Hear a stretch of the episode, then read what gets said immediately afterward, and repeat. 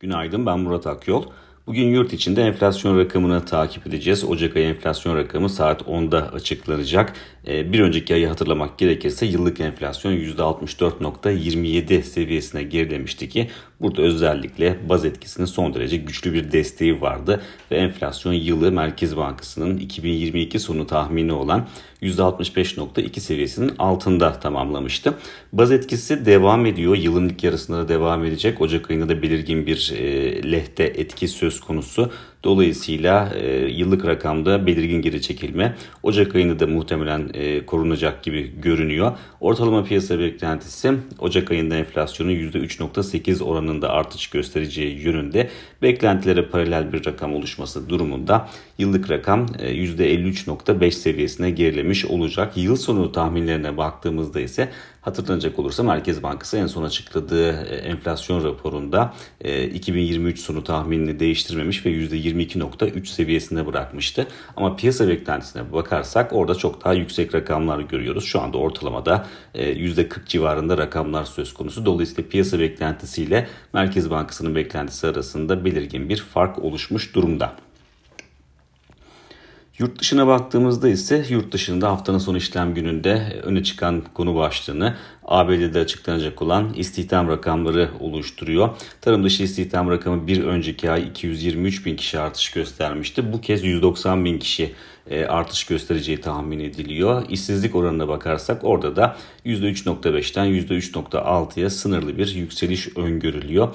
Genel hatlarıyla istihdam rakamlarını değerlendirirsek e, Fed'in agresif faiz artırımlarına karşın istihdam rakamlarının son dönemde oldukça kuvvetli bir tablo çizdiğini görüyorduk. Dolayısıyla özellikle bunun devam edip etmeyeceği piyasalar açısından önemli olacaktır. Çünkü enflasyon açısından da önemli bir gösterge istihdam. İstihdamın güçlü olması, saatlik kazançların güçlü olması enflasyonu da besleyen bir zemin yaratıyor.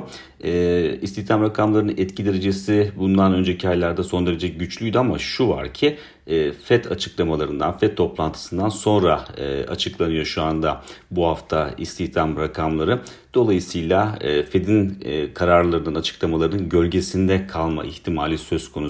Çünkü Fed zaten dezenflasyona vurgu yapıp e, piyasalar aslında bir nevi e, faiz artırımlarının sonunun yaklaştığına e, yönelik bir sinyal vermiş oldu. Dolayısıyla istihdam rakamları elbette ki önemli ama önceki aylardaki kadar e, güçlü bir piyasa etkisi yaratmayabileceğini de FED toplantısı nedeniyle göz önünde bulundurmak gerekir.